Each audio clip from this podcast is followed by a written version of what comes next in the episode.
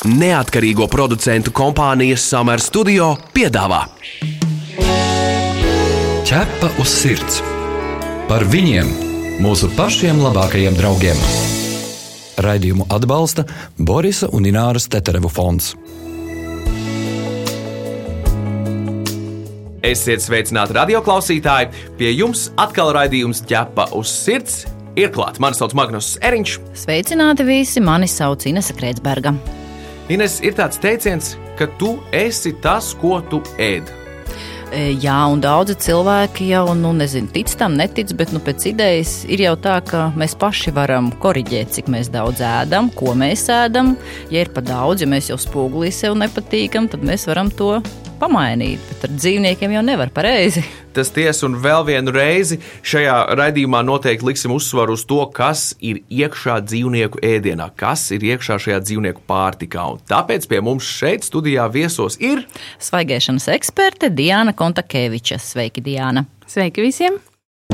Ķepa uz sirds jautā ekspertam! Diana, sākam uzreiz ar svarīgāko. Kādi ir tavi novērojumi un pēc kādiem principiem cilvēki izvēlas barot savu suni vai kaķi? Tas ir cena, tas ir zīmols, varbūt vetārsta ieteikums, kāds influenceris, dzīvnieku influenceris ir pateicis, ka šī barība ir vislabākā. Manuprāt, galvenais, kas spēlē lomu mūsu tirgū, tas ir mārketings. Tas, cik skaisti ir šī paciņa, kāds sunīts uz viņas ir, kādi cipariņi tur varbūt ir uzrakstīti. Uh, un uh, kā tiek prezentēts tas produkts. Tas droši vien nospēlē pašu lielāko lomu. Uh, nu, mēs uzdevām jautājumu. Suņu un kaķu īpašniekiem atsaucība bija ļoti liela. Paldies visiem. Nu, lūk, un daudz, kur cilvēki atzīst, ka uzticas tieši ekspertu ieteikumam un vetārstam. Un tad jautājums, kā tev liekas, vai vetārsts ir arī uztureksperts? Cik ļoti mēs vetārstam varam uzticēties? Te tāds diskutējums jautājums, gan jā, gan nē. Viss atkarīgs no tā, vai jums ir kaut kāda konkrēta problēma veselībai tam dzīvniekam, vai vienkārši ikdienas barība nepieciešama. Visdrīzāk, ja tā būs problēma, kā ekspertu varētu ņemt vetārstu, jo tad viņš ieteiks ārstniecisku barību. Bet, ja problēmas nav, tad eh, tā amplitūda, kurā jūs varat izvēlēties barību un kā barot suni, būs daudz plašāka nekā to, ko jums spēs ieteikt vetārsts. Jo vetārstam laika ierobežojums ir pietiekami īss, lai viņš jums paskaidrotu visu iespējamo barību sastāvus un labumus un vajadzības un kāds bonus būs no vienas, no otras. Tāpēc visdrīzāk viņš ieteiks tikai to, ko viņš pats tirgo. Bet kāda ir tā praksa līdzšinējā? Vetārsti norāda uz kādu svaigēšanas ekspertu, vai viņi norāda uz plauktiņu, kur viņi arī tirgo to konkrēto komerci vai ārstniecisko barību? Kāda ir nu, parasti tā praksa? Nu, parasti praksa ir tāda, ka tomēr norāda to savu plauktiņu, kur viņš tirgo kaut kādas konkrētas barības, jo tā ir vienkāršāk, ātrāk, un tad viņš arī ir eh, vairāk vai mazāk pārzina to barību, ko viņš tirgo, un tad eh, viņam būs viegli par viņu arī atbildēt. Nu, visdrīzāk viņš ieteiks to, kas viņam ir eh, plauktiņā, jo ieteikt kaut ko citu, kas tur nav, viņš nebūs vienkārši tik ziņošs, lai paskaidrotu šīs barību atšķirības, sastāvus un pārējo informāciju. Tātad, eh, ko mēs varam konstatēt un ko mēs konstatējam, apskatot eh, komercbarību sastāvu, kas tur ir vērtīgs un kas tur ir pavisam liekas, un kas mums kā patērētājiem būtu jāsaprot, kādas vielas mums būtu jāmeklē? Bieži vien jau tie cilvēki koncentrējās tieši uz jau tādu. Nu, Bildīti, ne? Tur rakstīts, piemēram, mm. nezinu, kaut kāds trusis, un liekas, ka tā ir truša gaļas konservs, piemēram, vai viņi nelasa? Jā, jā, pārsvarā cilvēku vizuālo noformējumu koncentrējās, skatās, vai tur ir viņa suņa bildīte, vai vismaz līdzīgas šķirnes bildīte, vai tur ir kaut kāds dzīvnieciņš uzzīmēs, no kā tā barība sastāv, piemēram, lielopiņš, vistiņa vai jēriņš. Tad viņi uz kaut kādiem cipariem paskatās, um, pieņemsim, ka tur ir 60% gaļas, vai ka viņš nesatur tur glutēnu vai kaut kādas tur krāsvielas. Nu, tas nostrādā tīri kā mārketings, nemaz neiedziļinoties tajā sastāvā. Līdz ar to īstenībā ļoti daudz ražotāji arī šādā veidā apmāna klientus. Mūrāģam ķepa uz sirds! Sāksim pēc kārtas. Tātad, kas ir vērtīgās lietas, kas būtu jāskatās, kas tā piramīdas augšgalā, kāds rādītājs un procentu īpatsvars, un kas ir tās kaitīgās lietas, no kurām jāizvairās barības sastāvu lasot? Nu, galvenais, uz ko mēs skatāmies, ir gaļas sastāvs barībā. Jo tas procents ir augstāks, jo tā barība ir vērtīgāka. Nu, vidēji 60, 75 līdz pat 85% gaļas. Tas būtu lielisks procents.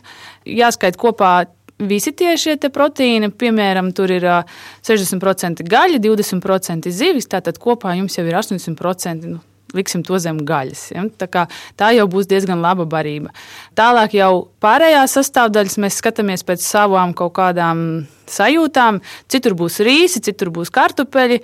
Nu, kukurūza tagad ir galīgi nemodē, tad parasti to cilvēki neizvēlās. Bet ir arī kukurūza sastāvā. Un, uh, No kā mēs baidāmies? Mēs baidāmies no sāļiem, mēs baidāmies no konservantiem, mēs baidāmies no kaut kādiem garšas pastiprinātājiem, bet parastam pircējam to būs diezgan grūti atšifrēt, ir vai nav šajā barībā konkrētās vielas. Diana, vai var izstāstīt, kur vēl malo komercbarības ražotāji? Nu, piemēram, piepušķoka konservus ar brieža gaļu, bet sastāvā mēs redzam, ka brieža gaļa ir apmēram nu, 7%, pārējais ir cūgaļa, ko ne visi grib tomēr dot savam mīlulim. Jā, interesanti, ka viņi norāda, ka konservi ir ar to pašu brieža gaļu. Nu, taisnība jau ir, tie konservi ir ar brieža gaļu, bet tas nenozīmē, ka konservi sastāv no brieža gaļas. Briedis garām gāja. Aizmirsuši pielikt, aizmirsuši pielikt to pamat sastāvu, kas ir cūgaļa, pieņemsim, jā, un tad tikai ir uzlikuši to, ka tur ir tas briedis arī. Un tad mums no savas linkuma ir grūti atšķirt, ka mums liekas, ka tas viss konservs ir no brieža gaļas. Tas pats ir arī sauso barību. Viņi uzraksta, ka ir 85% it kā gaļas, bet tur nav 85%. Vienkārši vienkārši tās apmāns ir, ka tā gaļa, kas tur vispār ir, no viņiem 85% ir svaiga gaļa. Nu, pieņemsim, barības sastāvā ir tikai 40% gaļa, tad no šiem 40 85% ir svaigi, un atlikušā daļa ir kaut kādi kaltēti kauli, jau kaulu milti vai kaut kas tamlīdzīgs. À, vai es pareizi saprotu, ja, piemēram, barībā ir tikai 10% gaļas, tas netraucē man uzlikt uh, 95% tīra gaļa, bet tas ir no tiem 10%, jā, kas jā, ir. Jā, un uh, cilvēks pirks, viņš pat nesapratīs šo apmānu.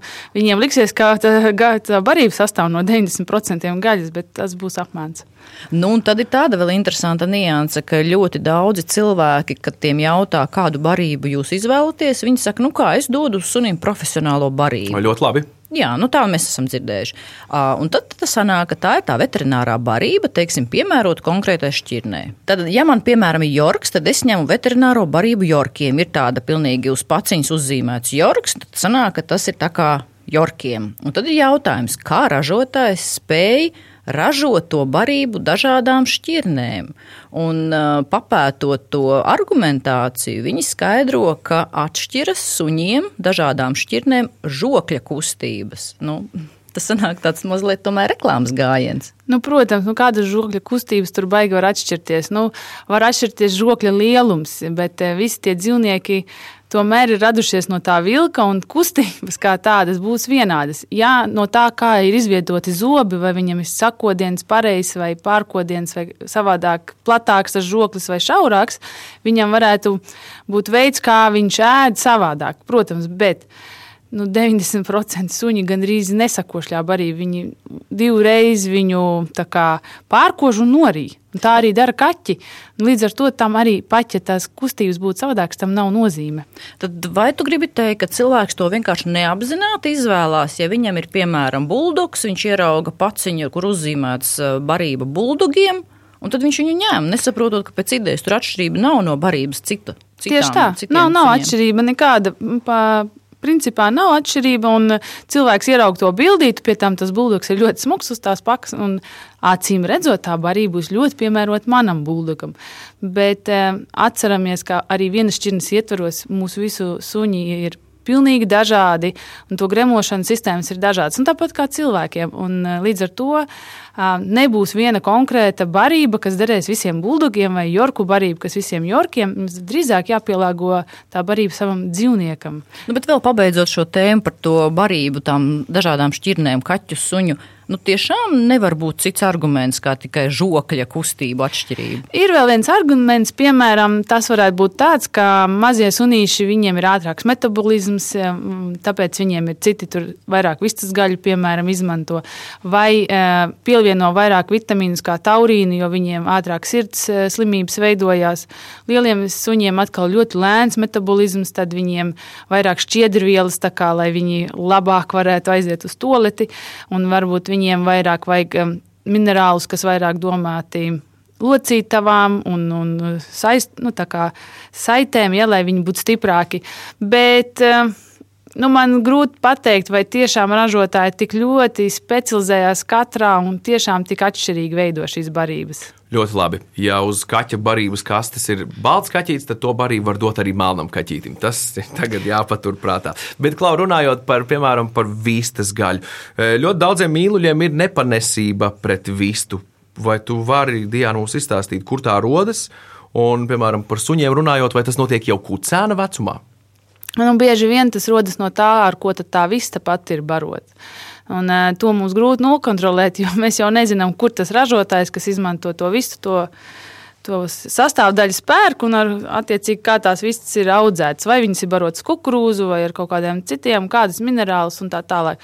Un bieži vien līdz ar to tā alerģija izveidojas, jo sastāvā ir vielas, kas suņu organismam nav paredzētas. Un organisms vienkārši tīra ārā šo te nevajadzīgo vielu no sava organisma. Rodās dažādi, rodās gan kucēniem, gan arī visbiežāk pēc vakcīnām līdz gada vecumam.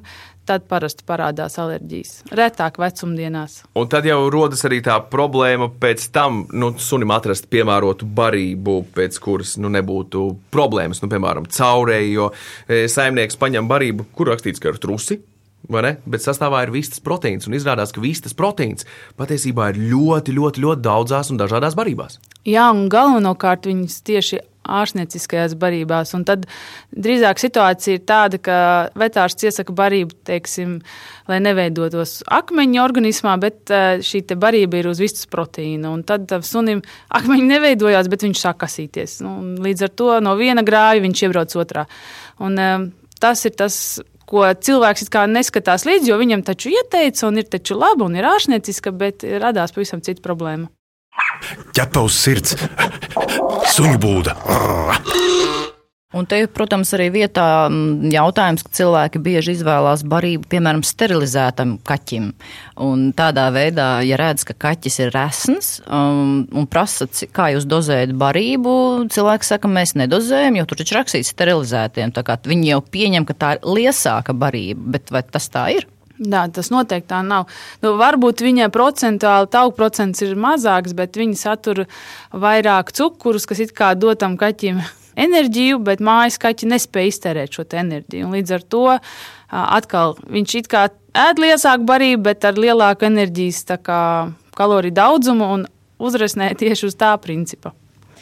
Bet nu, varbūt tagad mazliet tādu instrukciju varam iedot, nu, kas jāmeklē barības sastāvā. Iedodam varbūt tādu instrukciju, kas ir tāda formula, kas ir jāsameklē un, un, un ko mēs esam redzējuši, vai saprotam, tas mums der vai tas mums neder nav daudz jādomā. Jūs apskatāties aizmugurē barības sastāvā un lasiet, lieciet kopā to, cik šajā barībā ir tā saucamā gaļa. Tur būs rakstīts vistas gaļa, vai kaut kādas vistas orgāni, vai tie paši lielopu gaļa, jēra gaļa, zivis, eh, olas. Tādus tā kā dzīvnieku izcelsmes proteīnus mēs saskaitām kopā. Un, ja mums sanāk vismaz 65%, nu, tad es varētu teikt, ka jūs droši varat šo barību arī iegādāties. Par ja. gaļu vēl runājot, tad nu, to visu pieņemam, ja no, no tās labāk tomēr izvairīties. Atkarībā no dzīvnieka. Visteļ nav slikts proteīns, viņa labi sagremojās, arī labi organismā strādā. Nu, protams, ja ir alerģija, tad mēs viņu ņemam ārā. Ja alerģijas nav, droši ēdam. Labi, ejam tālāk. Tātad galvenais mēs skatāmies kopā šos dzīvnieku izcelsmes proteīnus, pēc tam mēs skatāmies, kas tad ir šis lipeklis, kas salipina šo graudiņu. Tas vai nu būs kartupelis, kas satur cieti, vai nu rīsi, vai nu tā pati kukurūza. Nu, ja no visiem šiem trim, tad es laikam liktu rīsi pirmajā vietā, kartupeli otrajā. Kukurūzu, nu, trešajā es viņu visdrīzāk neizvēlētos. Vēl ir uh, graudaugi, kā piemēram mieži vai kaut kas tamlīdzīgs. Nu, tos arī var likt otrajā vietā. Bet um, tas atkal, protams, katram cilvēkam ir savi uzskati, kas tad ir labāks no šiem trim produktiem. Es nu, atstāšu to saimnieku ziņā. Atgādinām, ka pie mums studijā šodien ir svaigēšanas eksperte Diana Kontakeviča, un mēs runājam par to, kas patiesībā ir dzīvnieku barības sastāvā. Šo radio pārraidi varēsiet dzirdēt arī podkāstu formā visās populārākajās straumēšanas vietnēs, kā arī Latvijas radio arhīvā un mobilajā lietotnē. Visur kopā - ķepus sirds. Runājot par kaķiem, bieži dzirdēts, ka cilvēki saka, mans kaķis jau ēd to lēto barību. Tos konservus viņam tik ļoti, ļoti garšo. Bet e, nesaprot, ka pieaugtās krāsvielas un garšas pastiprinātāji rada atkarību, nu, līdzīgi tāpat kā mums. Garšo čipši, bet uh, tos jau arī mēs nēdam katru dienu. Kāpēc tā sanāk, Diana, ka tās krāsainās barības lētās ir tik bīstamas mūsu mīluļiem? Jūs jau atbildējāt, ka tur ir tie konservanti un krāsvielas un garšas pastiprinātāji. Tā jau ir mūsu saimnieka problēma. Bet mēs... Kāpēc kaķiem tik ļoti garšo? Nu, tāpēc, ka tās izstrādātas specifiskas vielas, kas rada apetīti, veicina gremošanas sistēmas darbību. Ja, tā tīri pasmaržojot, dzīvniekam smadzenē nonāk kontakts, ah, man gribās ēst, un viņš tur sāk ēst. Un tie konkrētais garšas pastiprinātājs nostrādā šādā veidā. Un tas dzīvnieks kā traks citreiz uz to barību, un viņu pat nevar pārmānīt uz citu, jo viņš vienkārši pieredz pie konkrētā pastiprinātāja, kas ir konkrētajā barībā. Nu, labi, bet nu, labi, dot to lēto barību. Nu, ja viņam garšo un dot to krāsaino to barību, lēta un garšo tam kaķim, kur ir Kur ir problēma? Kāds prasīs? Nu, diemžēl problēma ir tā, ka laikam ejot, tās visi tie konservanti uzkrājas organismā un sāk veidot dažādas veselības problēmas. Un tad Tad sākās, tad veidojas akmentiņi, kristāliņi, tur nieru mazspējas, sirds problēmas, viss kaut kas. Un pēc tam ir ļoti, ļoti grūti šo problēmu risināt, jo kaķis neko citu nēd, bet uh, veselības problēma ir sākusies, un viņa arī jārisina. Tad ir ļoti, ļoti smags uzdevums saimniekiem. Bet kādas ir vizuālās pazīmes sunim un kaķim, pēc kurām var pateikt, ka īsti nu, barošana nav laba? Pirmā pazīme un galvenā pazīme ir nespodra spalva.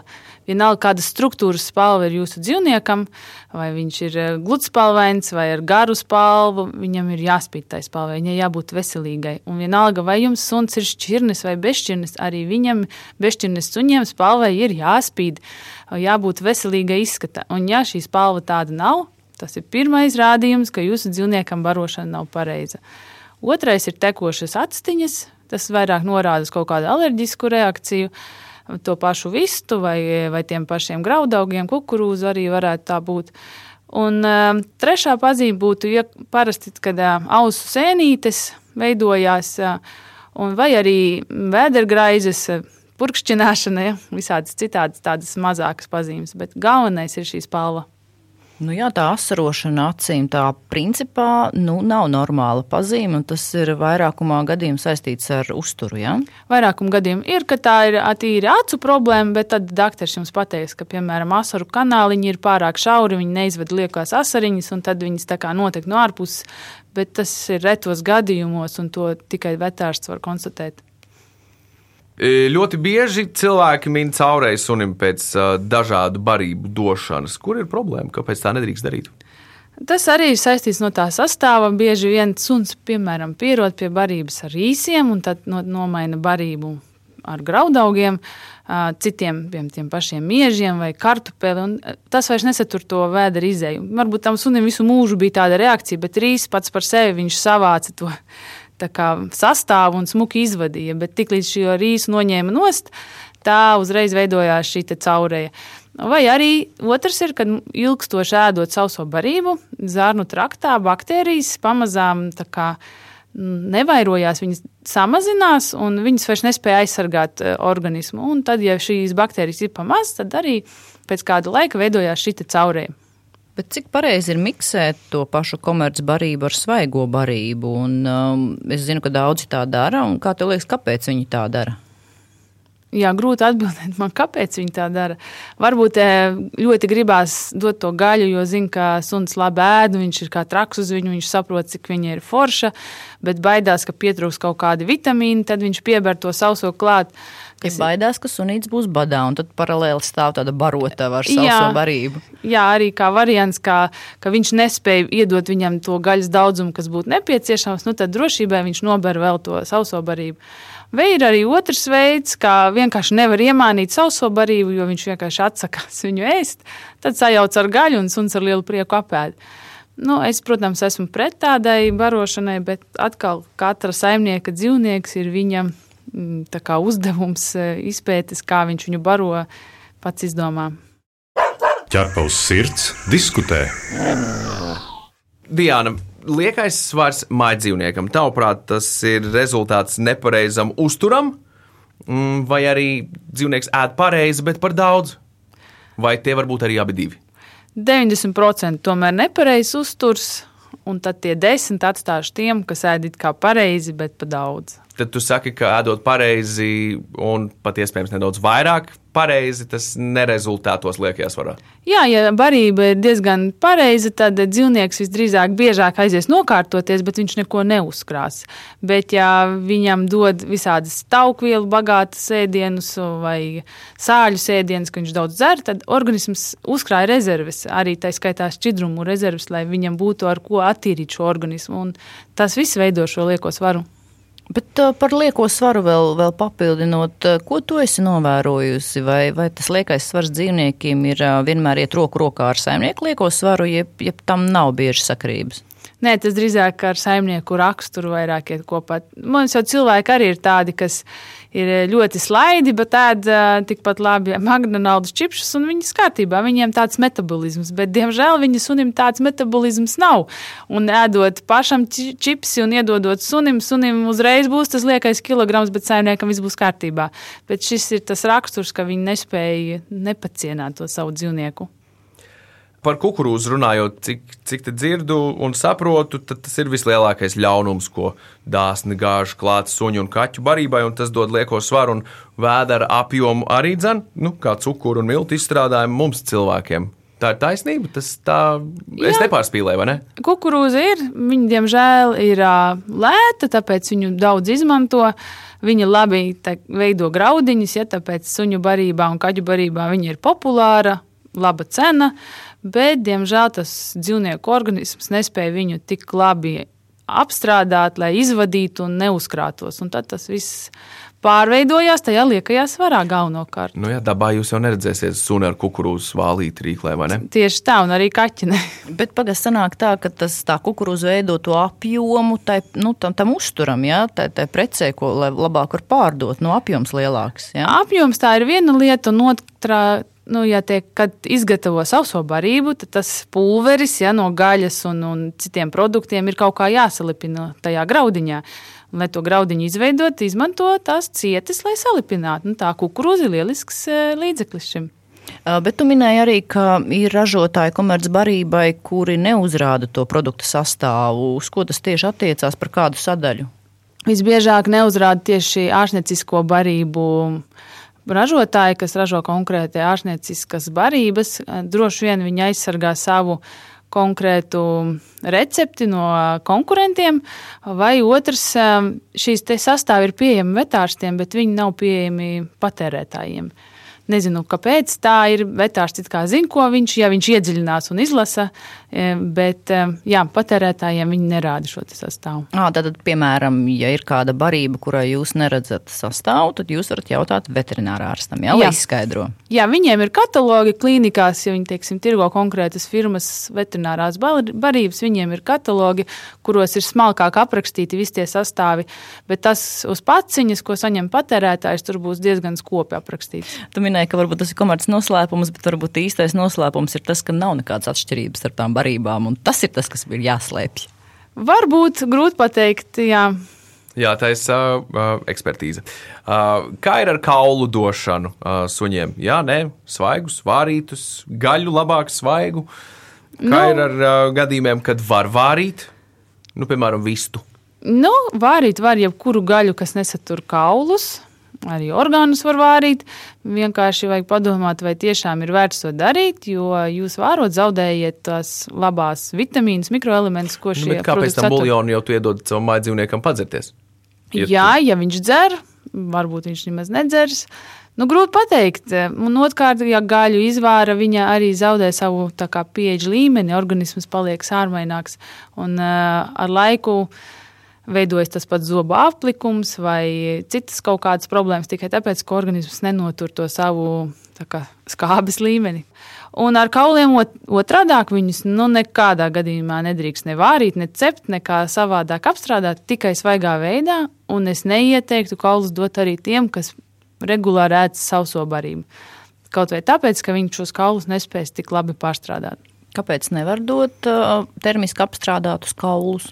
Kauli termiskajā apstrādē zaudē mitrumu, mitrums izdalās no viņiem, un viņi tad lūstot ir asi, šķeļās, un arī organisms nespēja viņus kā sadalīt. Suns sagrauž to, ko viņš ir sagrauts, viņš nonāk, un organismam vajag ļoti ilgu laiku, lai viņu sagremot. Un bieži vien šādiem suņiem veidojas aizcietējumi, vai kauli noslēņojās gremošanas traktā, jātaisa operācija, lai to tīrītu.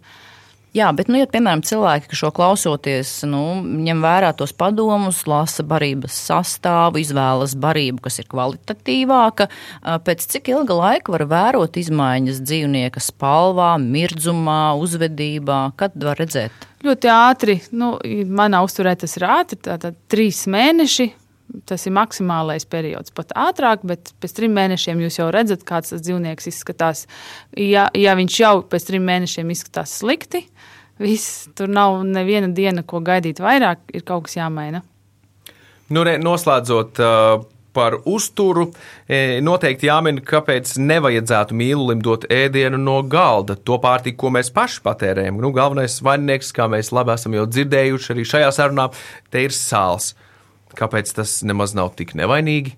Nu, tāpat kā gabaliņš siera vai desas. Jā, viss tas satur sāli, un sāls, nu, atkal tas organisms sunim nu, ir, un kaķim ir tāds, kāds viņš ir.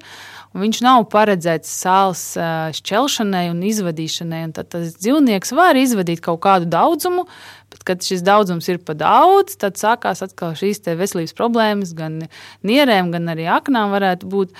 Tāpēc ā, nu, nevajag tam dzīvniekam speciāli dot, lai viņu tieši viņa veselību padarītu sliktāku.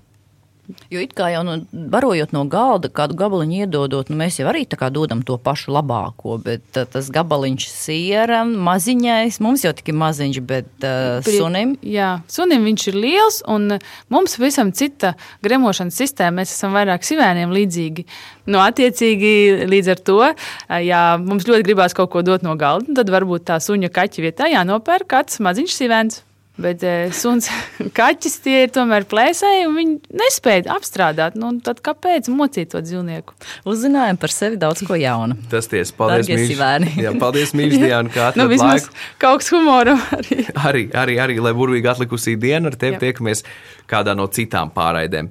Tā kā lasām barības sastāvu, tāpat tāda interesanta nodarbe, jo atklāt var ļoti daudz interesantas lietas, un, un tas ir tikai ar plusu, jo jūsu mīluļu veselība un ādas stāvoklis un spalvas mirdzums krietni uzlabosies. Tu esi mans draugs, ķepus sirds. Atgādinām, ka ķepus sirds TV raidījumam varat sekot līdzi katru sestdienu, 11.15. atkārtojumā Svētdien LTV1. Mēs arī gaidām jūsu jautājumus, ierosinājumus, idejas, sižetiem. Rakstiet mums uz info atķepaus sirds LV. Bet šajā raidījumā tas ir arī viss. Mani sauc Inese Kreitsberga. Mani sauc Magnus Eriņš. Raidījumu veidoja neatkarīgo producentu kompānija Summer Studio. Visu labu! Atā! Ķepa uz sirds. Informatīvi izglītojoša raidījums par dzīvnieku pasauli un cilvēkiem tajā. Raidījumu atbalsta Borisa un Ināras Teterevu fonds.